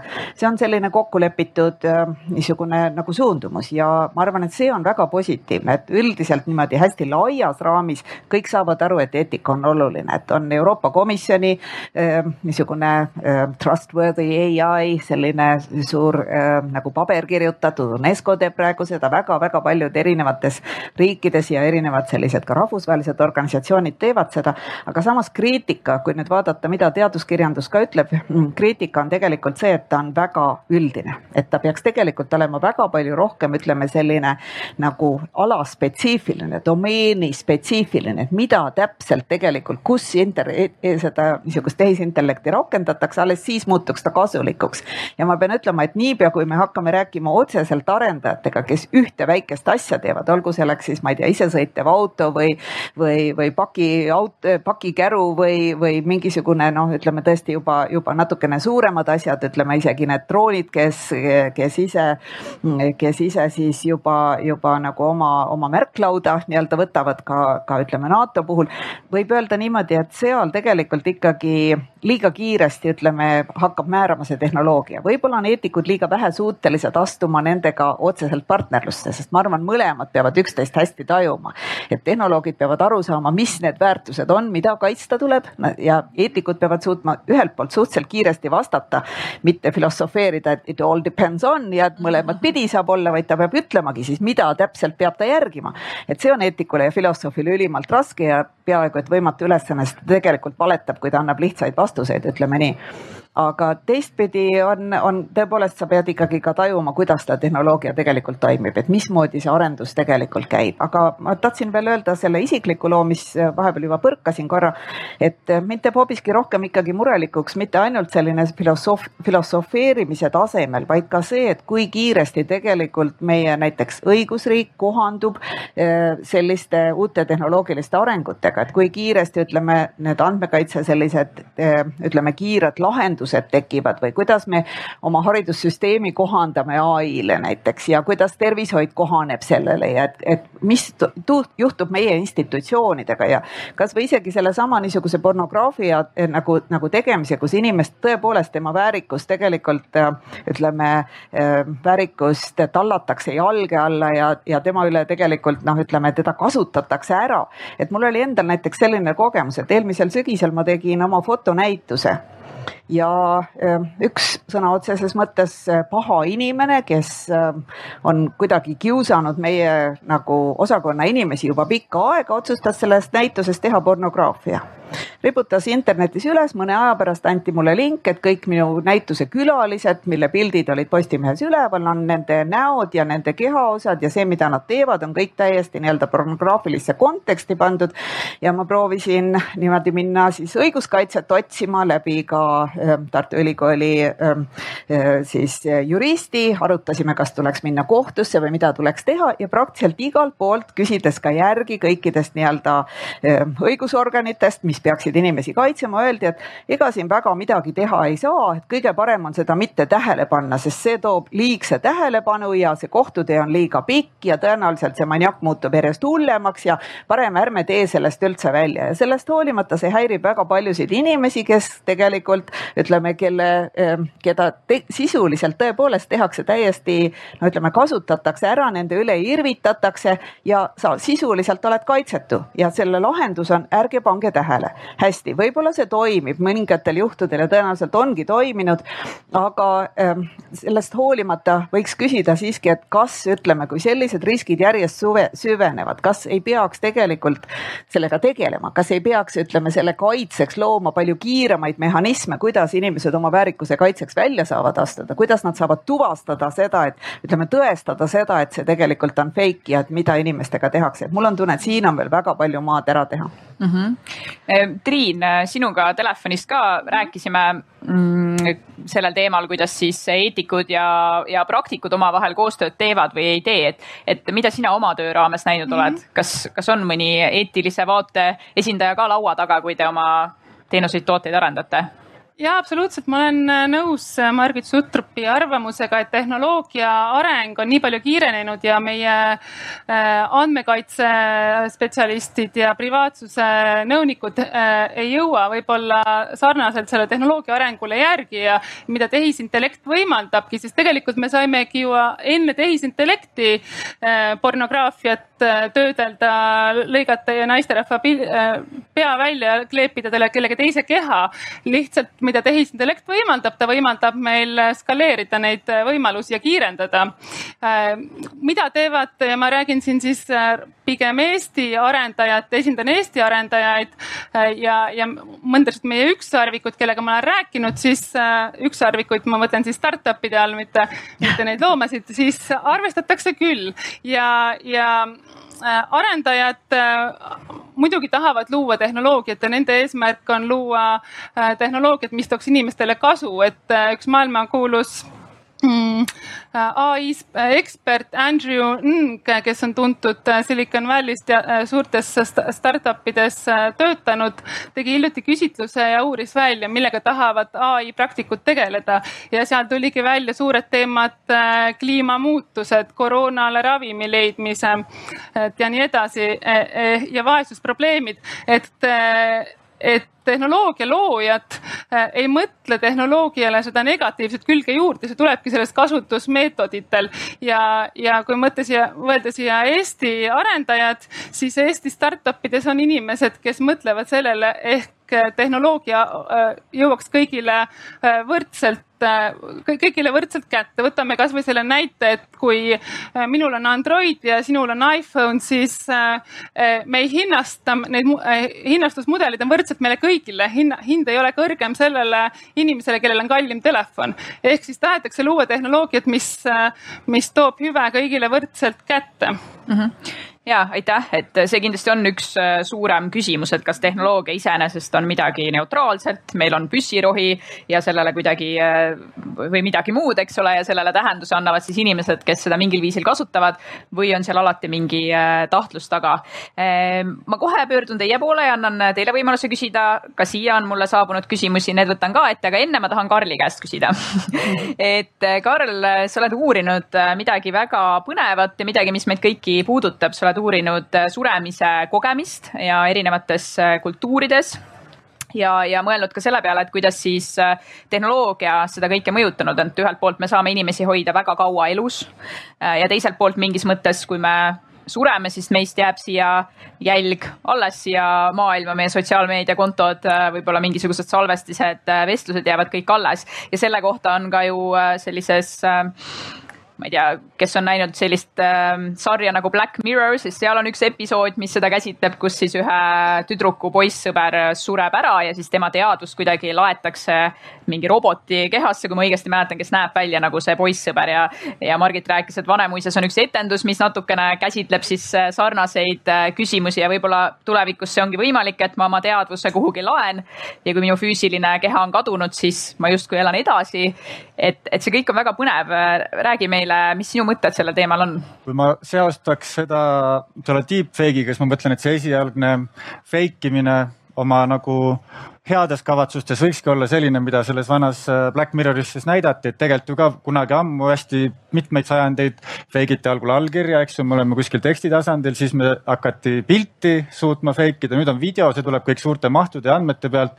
ja miks mitte siis noh, robot, sest et juba nii sõja kui mainitud pornotööstus teeb jube vägevaid roboteid inimkujulisi juba, eks ju, et kui me nüüd fake ime ka selle ära ja seal sarjas siis see mõte, et kui väga suhteliselt noorelt surnud meesterahvas ja naisel läheb äh, jube kurvaks ilma temata, üks ettevõte pakubki, et kui me, kas me võiksime üle võtta kogu, kogu teie nagu omavahelise suhtluse, digitaalse suhtluse, et me ehitame lihtsalt siukse bot'i, mis saadab sulle vahel nagu rõõmsaid sõnumeid nagu sinu surnud mehelt, et mul, kuidas sul läheb ja.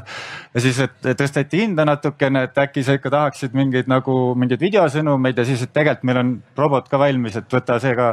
et siis tuleb nagu tema mehenäoline mees, mida siis ai juhib vastavalt sellele dialoogidele mida inimene on elu jooksul kasutanud, et, et tegelikult nagu hea kavatsus, aga jah, et kui mina selle surma suhtumise uurimiste käigus ja vaadates erinevaid kultuure, erinevaid äh, nii-öelda suhtumisi maailmas, et see on, et iseasi, kas seda on vaja.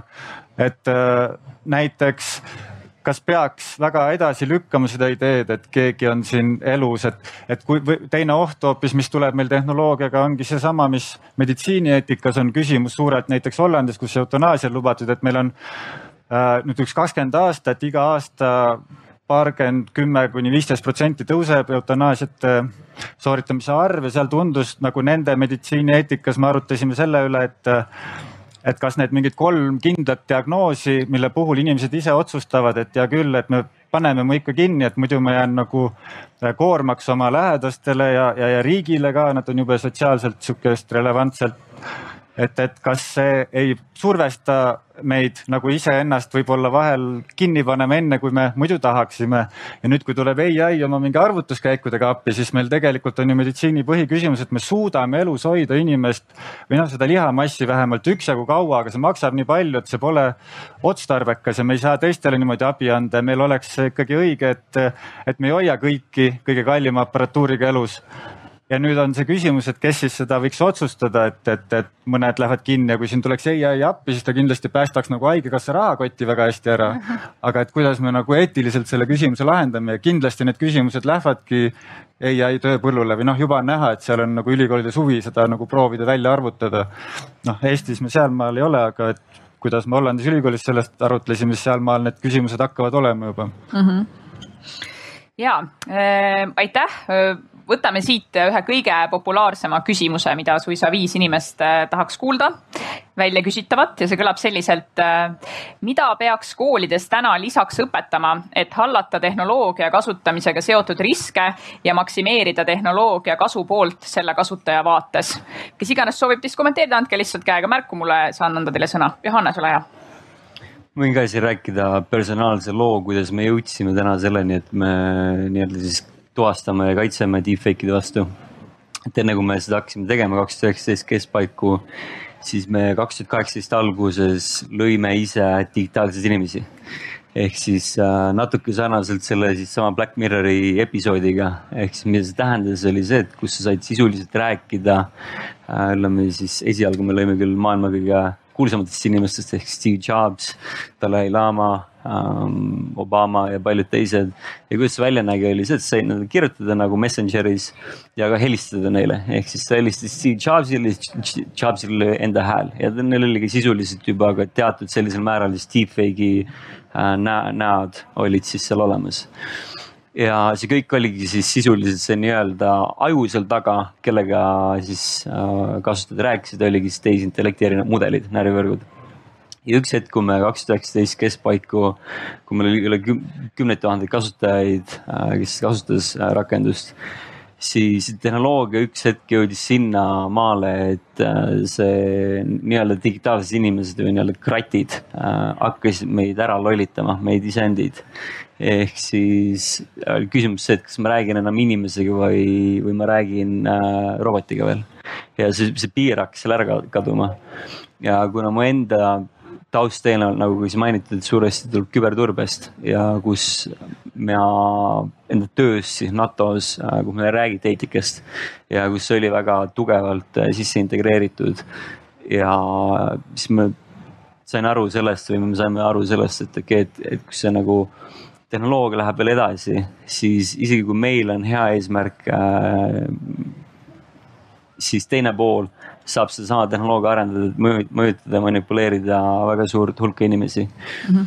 aga nüüd selle eetika, nüüd seal sisuliselt seal küsimuse juurde tagasi. koolides õpetamise kohta kool,. koolides mm -hmm. õpetamise juures, siis seda eetikat ei õpetatud, ma õppisin IT-d äh,, seda eetikat ei õpetatud mulle, mitte, mitte kunagi ei räägitud eetikaski äh,. mida meile hästi palju räägiti, oli bittidest, baitidest, programmeerimisest, kõigest muust, mis te võite ette kujutada äh, sisuliselt IT-s ja ehk siis see tegelikkus, see nagu eetika ja nagu ka paneelist on täna välja tulnud, on see, et see tehnoloogia on täna kiirenev. ehk see tähendab seda, et kõik kahekümne sajandil loodud avastused, tehnoloogilised, võeti kakskümmend aastat kahekümne esimesel sajandil. Äh, kuna tehnoloogia on eksponentsiaalselt kiirenev ja nüüd, mis tähendab seda, et aina rohkem inimesi peab selle peale mõtlema, eetika peale, ei saa olla ainult eetikud, kes mõtlevad, okei okay,, teeme nüüd selle püssirohu valmis või kirve valmis või, või deepfake'i tehnoloogia, siis vaatame, mis saab. vaid see inimene ise, kes seda loob, peab mõtlema pikemalt sammud ette. ja, ja kui seda koolis õpetatakse, oleks äh, see väga tänuväärne mm. -hmm. Margit soovis ka kommenteerida. ja ma enam-vähem samasse, samasse äh, nagu nagu kohta tahtsin välja jõuda, et äh, minu meelest on hästi oluline just mõista seda, et äh, võib-olla see küsijad natuke mõtlevad, et tehnoloogia areneb väga kiiresti, et kas me peaksime neile tehnoloogiat ennast õpetama, aga ta areneb nii kiiresti, et nagunii me ei jõua seda õpetada. et selles mõttes me oleme alati hiljaks jäänud, kui me hakkame nii-öelda reguleerima või kui me hakkame õpetama, siis tegelikult kusagil juba luuakse midagi uut, et selles mõttes selle nagu võidujooksuga ei saa kool kunagi nagu, nagu äh, võitja olla, aga millest ta saab saab võitja olla ja mida haridus peab andma, on tegelikult kriitiline mõtlemine et see muutub järjest olulisemaks, et inimesed suudavad öö, öö, ütleme mitte, mitte ütleme, ka see on väga raske, aga et nad suudavad võrrelda erinevaid infoallikaid, ütleme, mida nad tegelikult peavad usaldama, sest et kaks minu paremal käel olevat nii-öelda tehnoloogia inimest, ma arvan, mõlemad on väga ilusasti tegelikult öelnud seda, et, et küsimus on selles, et kuidas, kuidas seda rakendada ja, ja, ja missugune info meil on selle kohta. et kui me suudame nagu ütleme minna, et kui, kui ütleme, selline võltsimine, moonutamine, info ärakasutamine, info, ütleme, info hulk ise ka eksponentsiaalselt kasvab, eks ole, et me tegelikult ütleme, ei ole enam mõtet koolides tuupida asju, et väga suures osas, mida koolid ei peaks tegema, on tegelikult õpetada mingisuguseid, no ütleme ikka veel töötada mudelis õpi ära. sa pead õppima võrdlema näiteks erinevaid infoallikaid, kasvõi nägema seda, kuidas infot võetakse võltsitakse, kuidas moonutatakse, see tekitab temas harjumuse kontrollida, kust see info pärit on. sisuliselt ta ei saa ise võib-olla seda kontrolli teostada, aga saab, ta saab kontrollida infoallikaid. ühesõnaga vaadata, mis on usaldusväärsem allikas ja, ja mis ei ole ja ma arvan, see on ülioluline. võib-olla korraks, kuna me hariduse juurde jõudsime, et kaks eh, väitlejat tegelikult rääkisid ka sellest, et noh, kas Youtube'i videod võiksid anda meile haridust või mitte, et et eelmisel aastal me koostasime hariduse visiooni kaks tuhat kolmkümmend viis Haridus-Teadusministeeriumi nii-öelda tellimusel erinevates töögruppides. ja üks põhilisi mõtteid seal oli see, et haridus muutub järjest individuaalsemaks see tähendab, et tegelikult miks mitte ei võiks Youtube'i videote vaatamine olla see hariduse osa ja viga on see, kui see, kes tööle võtab, küsib, mida sa vaatasid. ta peab vaatama, mida sa tead, mida sa oskad ja millised on su hoiakud, ükskõik kus sa selle saanud oled. tähtis ei ole mitte tunnid või kursused, mille sa oled läbinud, ühesõnaga see on nagu pea, pea peale keeratud, et see oli võib-olla ainuke asi, mis ma väitlejatele oleks tahtnud nagu vastu öelda, et peabki muutuma lihtsalt hariduse kontseptsioon. ei ole mitte küsida vaja, kus sa seda omandasid või millised kursused sa läbisid või mis raamatuid või mis videosid sa vaatasid, vaid vaadata ikkagi, mida sa täna oskad, mida sa tead, aga ka millised on su väärtused ja nende väärtuste nii-öelda haridus, hariduse osaks peab olema ka väärtushoiakute kujundamine, ma arvan, et selles mõttes ma olen väga nõus mm -hmm. eelkõnelejaga. aitäh vaatan nüüd äh, teie poole. meil on siin olnud äh, palju väga erinevaid mõtteid. kas äh, on keegi, kes tahab küsida siitsamast, eksklusiivne võimalus, kes te olete siin füüsiliselt kohal, saan saata teile mikrofoni.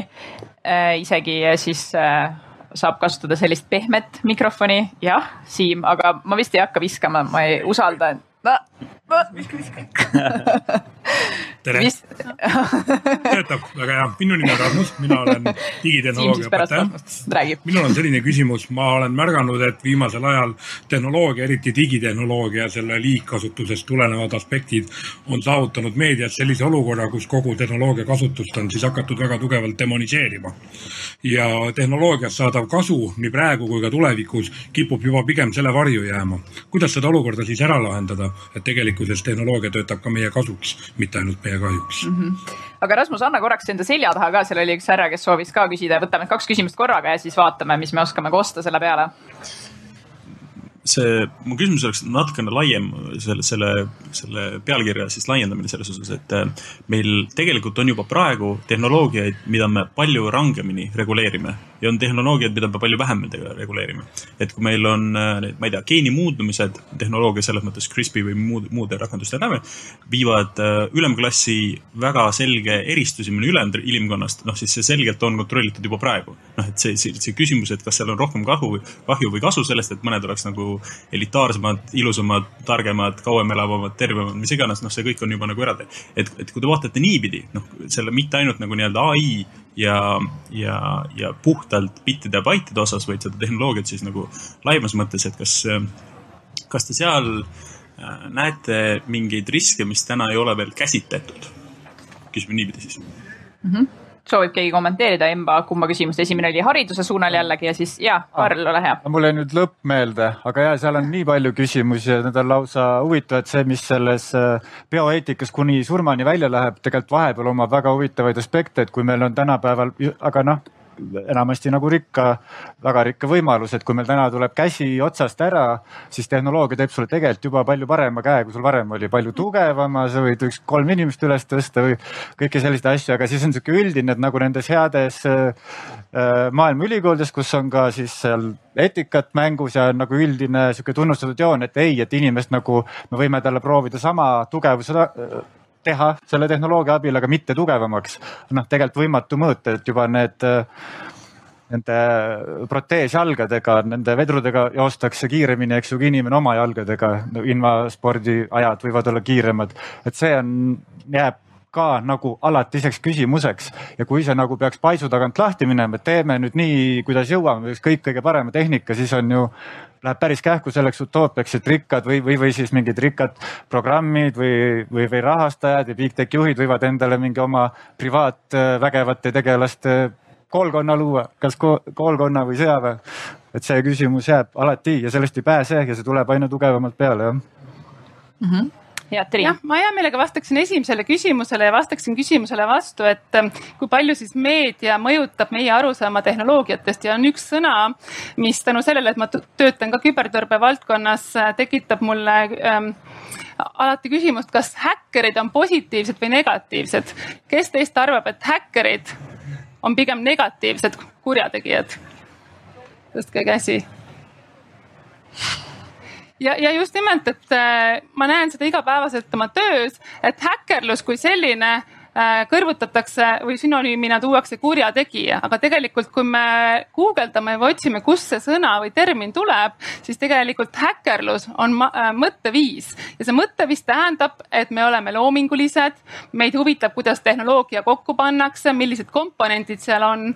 me oleme väga uudishimulikud, et seal tegelikult ei ole midagi negatiivset, aga ma vaatan just, kuidas pealkirjad, kuidas meedia esitleb häkkereid, siis nad on tegelikult kurjategijad, kes omavoliliselt äh, süsteemidesse sisse murravad ja lunaraha näiteks äh, nõuavad. et siin ongi küsimus hariduses ja, ja kuna enamus meist sündisid ajal, kui meil ei olnud arvuteid kodus, meil ei olnud nutitelefone ehk me oleme äh, arenenud koos tehnoloogiaga ja samamoodi kui meie, kes tahame tehnoloogiast kasu lõigata, on tehnoloogia maailma jõudnud ka kurjategijad ja jällegi sellepärast me peame selgitama, kuidas neid tehnoloogiaid luuakse ja millised on need võimalused. ehk, ehk ma ei peaks maksma lunaraha, vaid ma saaksin, äh, ma ei peaks tundma häbiväärsust, et minu pea on kellegi keha küljes, vaid ma saangi selle äh, inim, inimkonnale ja sõpradele ära selgitada, et et see on võltsing.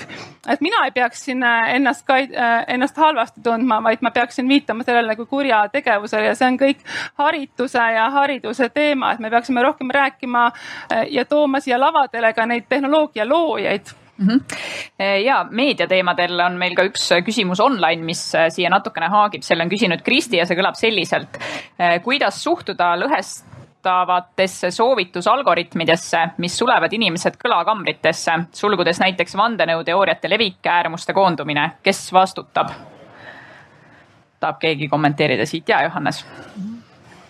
Seda ongi siis väga hea küsimus ja tegelikult äh, see valdkond, kus me siis opereerime mingi julgeoleku aspektist, äh, ongi siis selline psühholoogiline sõda ja psühholoogiline sõda on sama vana kui traditsiooniline sõjapidamine. Ehm, ja täna siis väga suurel globaalsel skaalal sisuliselt, kes sellega tegelevad, äh, ütleme, on ikkagi nagu ideoloogiline sõda, ehk siis üks ideoloogia on, Hiinal on üks ideoloogia, ähm, ütleme siis läänel on teine ideoloogia, Venemaal on mingisugune teatud kesktee kusagilt sealt ja autoriteersete, autoritaarsete riikide puhul esimene strateegiline Ähm, valik või ütleme siis äh, eesmärk, mida teha, on siis saavutada kogu rahva üle äh,, ütleme õigemini info äh, kontroll.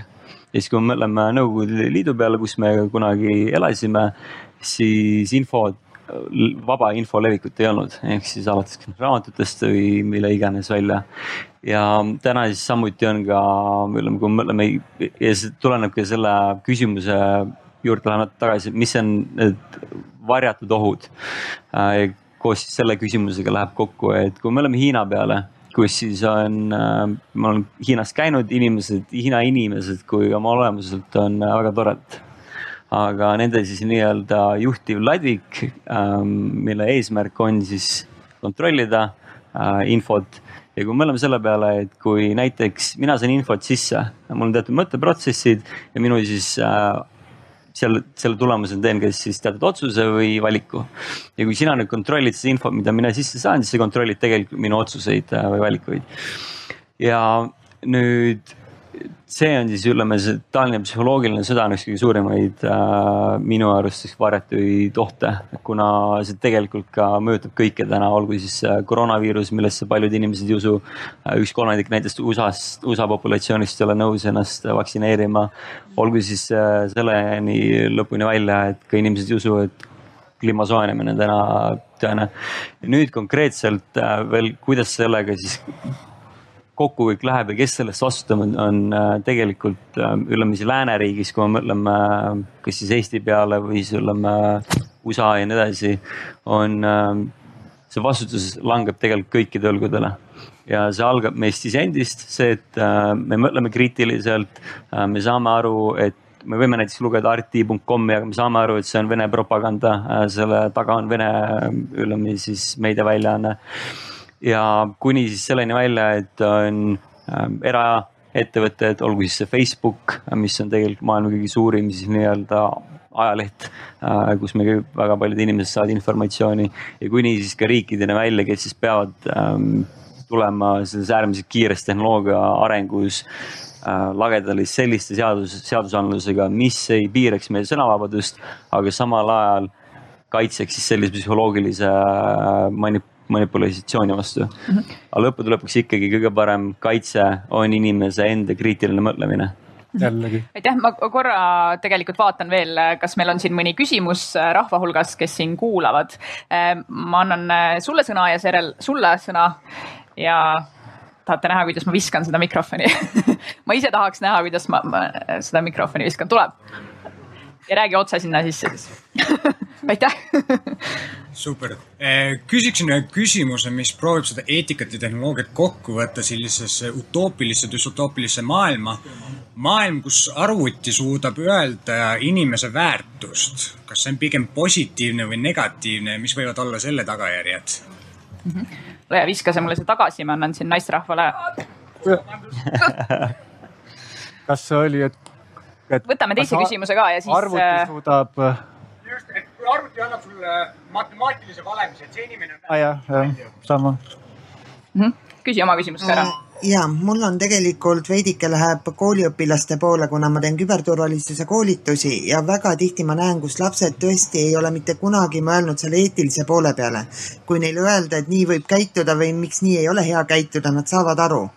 Aga nüüd ongi küsimus, et kuidas saaks, et me ei oota viis või kümme või kaks tuhat kolmkümmend viis aasta, kuni see eetika koolidesse jõuab, vaid mis on nagu võimalused, et me saaks seda õpet täna ja kohe kuidagi noortele viia kasvõi mingilgi määral, et mida, mida teha ühiskonnas mm. -hmm. et ük, esimene küsimus puudutas siis inimeste väärtust, mul on tunne, et Karl, sa vist tahtsid seda kuidagi kommenteerida või lihtsalt täpsustada? ma tahtsin öelda, et väga ja. raske vastata sellele küsimusele hea vastus.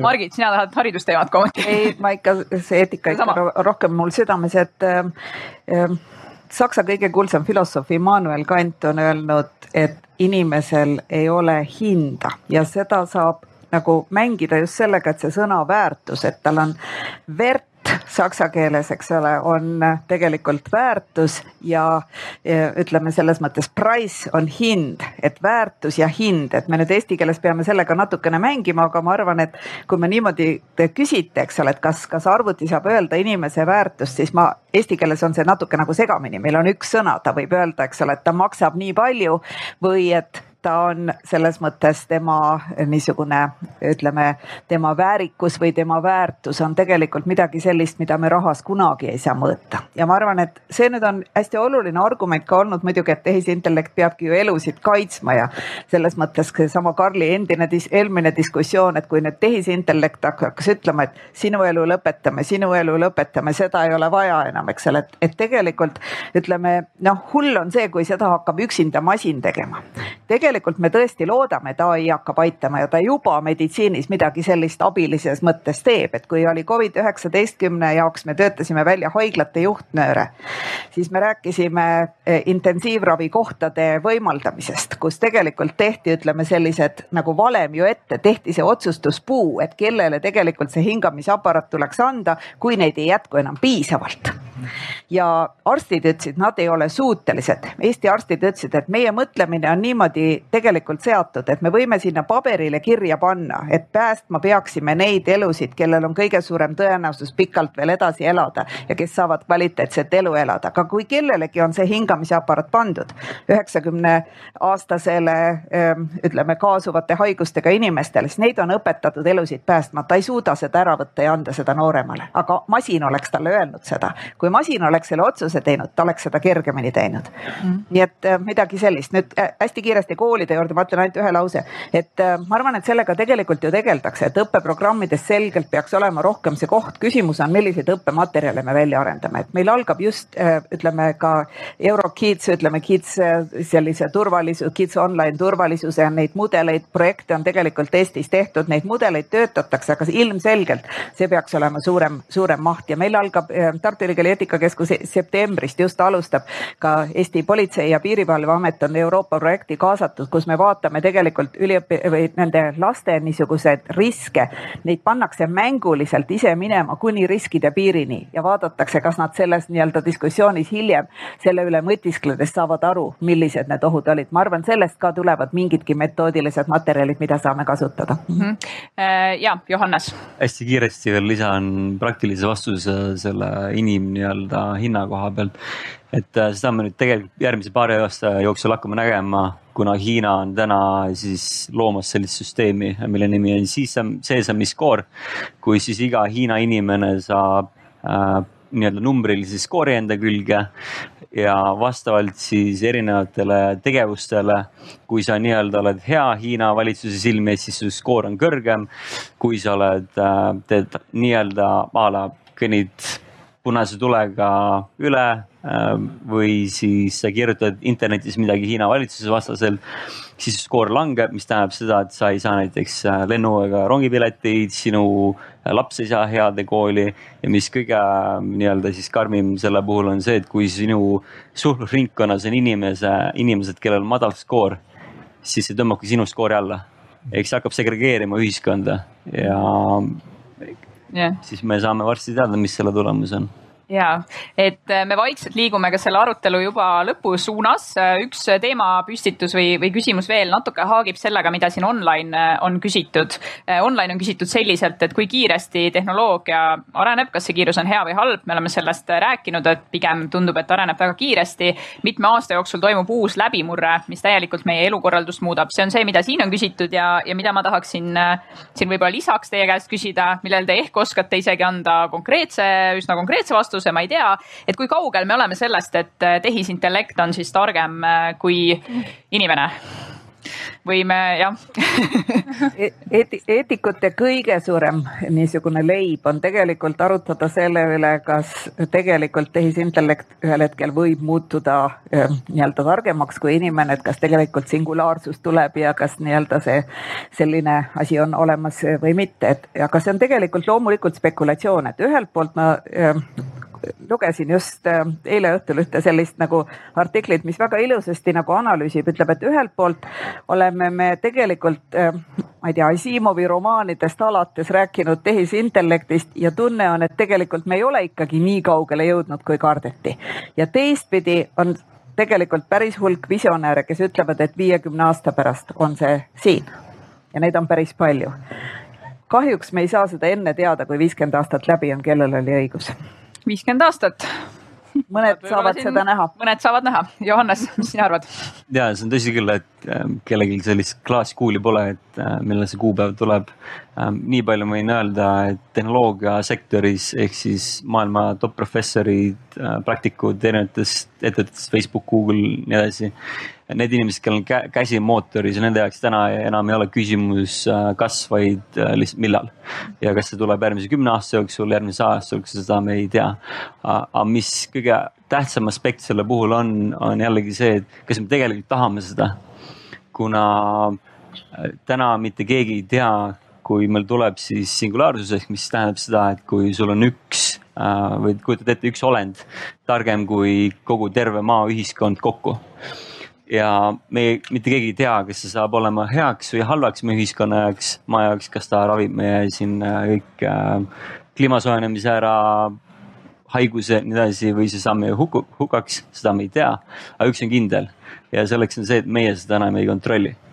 Ja põhjus on väga lihtne, et kui, miks me täna siis oleme tiigripuuri pannud jälle selle tõttu, et me oleme temast tugevam või me oleme targem ja kui me nüüd loome millegi, mis on targem kui maailma terve ühiskond, siis äh, kindel on see, et me ei saa seda enam kontrollida. ja sellenigi me jõuame tegelikult, et kas mm, -hmm. kas see, kas see on see, mis me, mida me tahame? Karl. küsiks juurde või sinult äh, või vastu, et vaata, et äh, ma olen ka seda poolt või noh, ei saa teistmoodi olla, et ühelegi sellele tehnika arendamisele pidurit ei saa panna, sest nii palju erinevaid huvitatud osapooli on ja keegi arendab alati edasi. ja siis on sellised tegelased nagu Musk, kes vahepeal ütleb, et ei pagan, et ei peaks seda üldse tegema, eks ju, et kuidas sina seal lähedal oled, et. et kas sa näed, kas oleks võimalik, et see üldse kuidagi oleks üldse küsimuse all, et me võiks midagi pausile panna, ei ole ju pigem mm. või mis sa arvad? Täna, see on siis jah, erinevatel motivatsioonikihtidelt, et olgu kas siis erasektori poole pealt, kus on maailma juhtivad ettevõtted äh, nagu Google'is on DeepMind äh,, OpenAI, Facebookil. Nad kõik arendavad seda äh,, nende eesmärk on arendada siis tehisintellekt, kes oleks targem kui inimene ja isegi kui me ütleme, reguleeriksime, et ütleme, ei, te ettevõtetena ei tohi seda teha, äh, kuna me ütleme eetiliselt näeme, et selle risk on liiga suur. siis täna paar aastat tagasi, mida Putin oli välja, mida on välja öelnud intervjuus on see, et see, kes loob tehisintellekti, mis on targem maa kontrollib kogu maad mm -hmm.. ehk siis tegelikult see küsimus enam ei ole, et, äh, et, et sisuliselt seda ei saa enam isegi peatada, kui me nagu lääne ühiskonnas peataksime selle. kuna samamoodi on, ütleme siis kas Venemaa või Hiina, samuti ka CRISPi koha pealt, et kus äh, lääne ühiskonnas meil on seadused, et seda ütleme ei tohi teha või seda tuleb teha siis nagu väga spetsiifiliste äh, parameetrite järgi, aga Hiinas neid äh,, seda tehakse mm -hmm.. eks, eks see ongi küsimus pigem on sisuliselt see, et kuidas me saame maksimiseerida seda, et kui see nüüd jõuab siia, et, et see saaks inimkonnale heaks. Päris, päris palju räägitakse sellest, et üks osa tuleb mitte ainult töötada välja erinevaid regulatsioone, vaid tuleb ka luua, ütleme ai, mis kontrollib teist ai-d, sest see on ju see ka, kuidas inimesed tegelikult toimivad, et me ütleme, on keegi, kes, keegi, kes tegelikult ähm, kontrollib ja mis iganes mehhanismid sinna siis, ähm, kus, kus tegelikult võib-olla ka selles ai-s endas on üle piiri minnes mingi mehhanism, kus ta lihtsalt lülitab ennast välja või kus, kus nii-öelda mingi kontroll tekib, et see peab olema sinna, sinna suunatud, aga ma arvan, et see on väga ilusasti öeldud, et kui me alustasime sellest, et rääkisime, et tehnoloogiat me arendame selleks, et järjest suuremat kontrolli saada looduse üle, aga lõpuks hakkab seesama ai kontrollima meid, siis see on tõepoolest see kõige suurem nagu õudusunenägu, mida inimkond tegelikult üldse kardab. ja siin ennem oli ka saalist oli see küsimus, et milliseid tehnoloogiaid ei ole hästi täna reguleeritud. ma arvan, et küsimus ei ole ainult selles, eh, eh, milliseid on, et ma arvan näiteks, et CRISP, kas eh, üheksandat ähm, Euroopa Komisjonis sageli öeldakse, liiga palju on reguleeritud, et on mõttetu, et kui palju me nagu noh, üle pingutame. aga küsimus on selles, et kuidas me suudame kõikide maailma maade, kõigi erinevate jõudude niisuguse koondi tegelikult teha, sest et mõelgem sellele, et maailmas on rohkem mittedemokraatlikke riike kui demokraatlikke. see tähendab, see oht, et see tehnoloogia on pahade käes, on tegelikult väga suur mm. -hmm, aitäh peame nüüd liikuma selle arutelu lõpu suunas. mulle tundub, et, et üks mõte, mis siit välja tuli ja kõlama jäi minu jaoks vähemalt, on see, et tehnoloogia areneb niivõrd kiiresti ja meil on kohati raske sellega kaasa tulla eh, nii siis koolisüsteemis kui ka kõiksugused eetilised eh, küsimused, et see lihtsalt liigub niivõrd kiiresti. ja, ja väga palju muid küsimusi katsime ka, rääkisime inimelu väärtusest, suremisest, haridusest tõest ja selle moondumisest. mul on üks äh, selline kokkuvõttev lõpuküsimus teile mis ka natukene läheb äh, kokku ühe küsimusega, mida siin online äh, küsiti. palun teil mõelda ja, ja vaadata, kas te saate selle kuidagi ühe või ütleme kahe sõnaga näiteks vastata, see võibki olla jah, lihtsalt sõna. et kas, mis on midagi sellist, mis on kuidagi ainult inimesele loomuomane, mida on äh, raske äh, siis masinates äh, luua või näha või mis võib-olla võtab siis kõige kauem aega, et seda masinatele siis õpetada. et mis, mis on see miski, mis veel, kui mitte igavesti, aga siis pikka aega jääb inimesi ja masinaid eristama jah, Margit. ma võin alustada, sest see on üks minu uurimisprojekti osi ka. minu küsimus on see, et kas masinatele tuleks programmeerida emotsioonid mm. -hmm sest tegelikult ähm, ühelt poolt näiteks näide võtta isesõitev auto, tal ei ole seda liiklusraevu ja ta saab sellepärast täpsem olla, aga samas ei ole tal ka kaastunnet. ta võib sõita üle ilma, et ta tunneks midagi, tal ei ole häbi, tal ei ole südametunnistuse piinu. nii et emotsioonid esialgu on see suur mõistatus, kas me saame anda ja kas me peaksimegi üldse andma. minu jaoks on normatiivselt küsimus, kas me peaks andma. jah, Karl. ja selle koha pealt filosofeerides olen varem puutunud kokku ideega, et äh, kas, äh, mis väga hästi siia kõrvale sobib, et kas peaks äh, masinasse kodeerima alguses ka surmahirmu ühesõnaga temal enda mm -hmm. lõpuhirmu mm. -hmm. et ta välja lülitab. ja et kuna ma olen väga mingi kolmkümmend aastat tehtud teooria kallalt päris veendunud, et see inimestel on alateadlikult sees, et me oleme sihuke huvitav konfliktses olukorras olend, et kellel on teadmine, kindel teadmine oma surmast ja samal ajal meil on sisse ehitatud ellujäämisinstinkt, aga ellujäämisinstinkt on ainult siis mõttekas, kui on olemas ka see surm või noh, ta on üldse siis nagu loob midagi. Ja see on väga, et kas masin saab üldse sellest aru saada, et me nagu ise põeme, et me oleme lõplikud. hästi öeldud, põeme, et oleme lõplikud. emotsioonid, surmahirm, Johannes, mis sa arvad?